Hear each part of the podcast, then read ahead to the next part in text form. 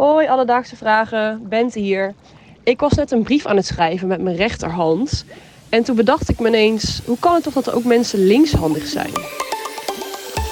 Alledaagse vragen. NPO Luister. Bente uit Nijmegen, dankjewel voor je vraag.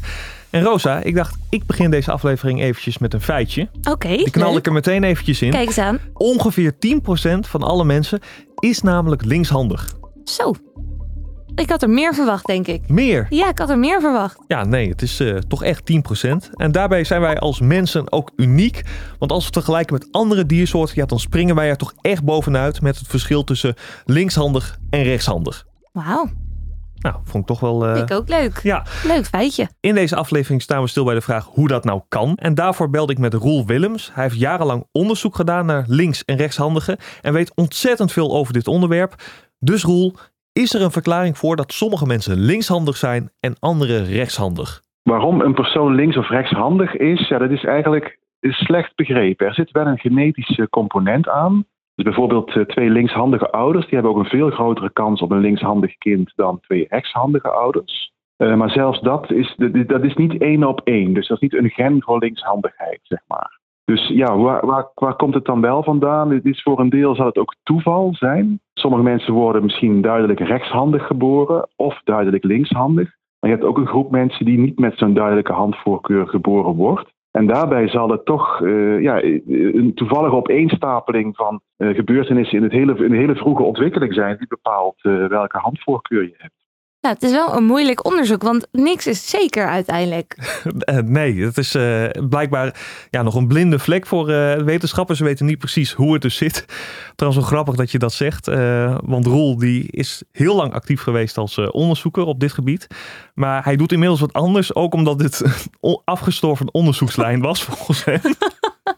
Afgestorven zelfs. Ja, nou, blijkbaar is het voor wetenschappers gewoon heel moeilijk te achterhalen waarom een persoon een voorkeur voor een linker dan wel een rechterhand heeft. Eh, wel zijn er dus vermoedens, dus het heeft enerzijds een gedeelte met genetisch te maken, maar niet alles. En wat Roel zei, er zijn dus blijkbaar bepaalde omstandigheden die ertoe leiden dat iemand een voorkeur ontwikkelt voor een bepaalde hand. En ik vroeg Roel, ja, hoe zit dat precies? Hoe ontwikkel je nou een voorkeur voor een bepaalde hand? Kijk, handvoorkeur is niet iets wat op zichzelf ontwikkelt. Het gaat waarschijnlijk samen met iets anders. En dat zou kunnen zijn lateralisatie van hersenfuncties. Nou, dat betekent zoveel en zo weinig als dat bepaalde hersenfuncties meer de linker of de rechter hersenhelft aanspreken. En waarschijnlijk gaat handvoorkeur daar ook mee samen. En dat kun je ook wel voorstellen als je namelijk een heel sterke handvoorkeur voor de rechterhand hebt, wat de meeste mensen hebben. Dat betekent dat je linkerdeel van eh, het deel van de hersenen wat je hand aanstuurt, dat het linkerdeel daarvan sterker ontwikkeld is, eigenlijk beter ontwikkeld is. En die mate van lateralisatie zou ook tot handvoorkeur kunnen leiden. Rosa, je kijkt heel vragend. Ja, ik zat ook heel even te denken wat ook weer het linkerkant van je hersenen, wat die aanstuurt en wat het rechterdeel doet. Oh, zo. Nou, eventjes een paar dingen die we hier horen. Ten eerste horen dus dat ehm, de rechterkant van je lichaam wordt aangestuurd door eh, je linker hersenhelft. En de linkerkant van je lichaam wordt aangestuurd door je rechter hersenhelft. En wat Roel dus eigenlijk zegt is, ja, als een van die twee kanten beter is ontwikkeld, ja, dan zou dat een aanleiding kunnen zijn waarom iemand eerder linkshandig of rechtshandig is.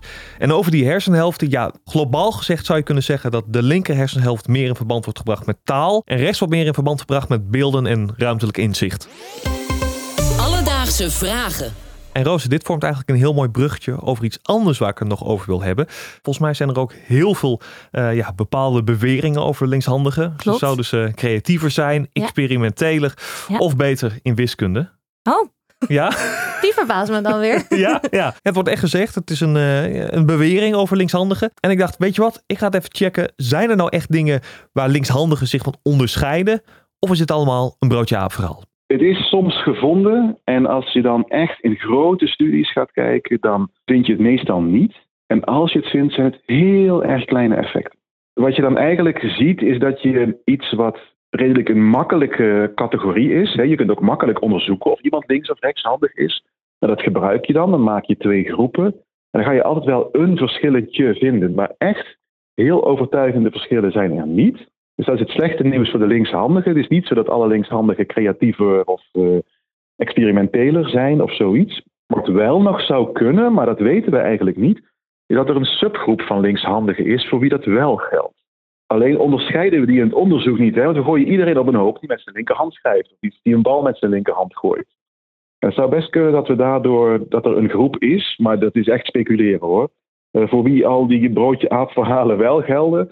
Ehm, dus nou ja, dat is dan is, is ook een beetje voor, voor de linkshandigen die zich toch heel eh, bijzonder wil voelen, kan ik daar misschien aan vasthouden. Oké, nou Ja. dat is goed om te weten, want ik, eh, ik geloof soms wel eens de Facebook clickbait. En van oh, alle linkshandigen worden later succesvol. Maar dat zie je ook wel. Obama is linkshandig, weet ik toevallig. Oprah Winfrey ook weer Ja, dat linkshandig. is eh, bias selecteren. ja, hè? precies. Dus dat doet mij ook goed als rechtshandige dat ik ook speciaal ben op Ik- mijn eigen manier. Gooi ik er ook nog eentje in. Ik denk dat je ook met zekerheid kan zeggen dat er meer succesvolle rechtshandigen zijn dan succesvolle linkshandigen. Dat denk ik ook. Dus Bente, vandaag zochten we voor je uit waarom iemand links of rechtshandig is. En om eerlijk te zijn, wetenschappers zijn er nog niet helemaal achter hoe dat precies komt. Zo zou het deels met genetica te maken kunnen hebben. Want ja, als je twee linkshandige ouders hebt, is er een grotere kans dat het kind ook linkshandig wordt. Maar dat hoeft niet altijd zo te zijn. Voor de rest speelt toeval een hele grote rol, waarbij een opeenstapeling van gebeurtenissen uiteindelijk bepaalt wat de dominante hand wordt. Heb jij ook een vraag? Stuur ons dan een berichtje op Instagram. Dat kan naar Alledaagse Vragen. Of stuur een mailtje naar alledaagsvragen.bnnvara.nl en dan zoek ik het voor je uit. Alledaagse vragen. NPO Luister. BNN Vara.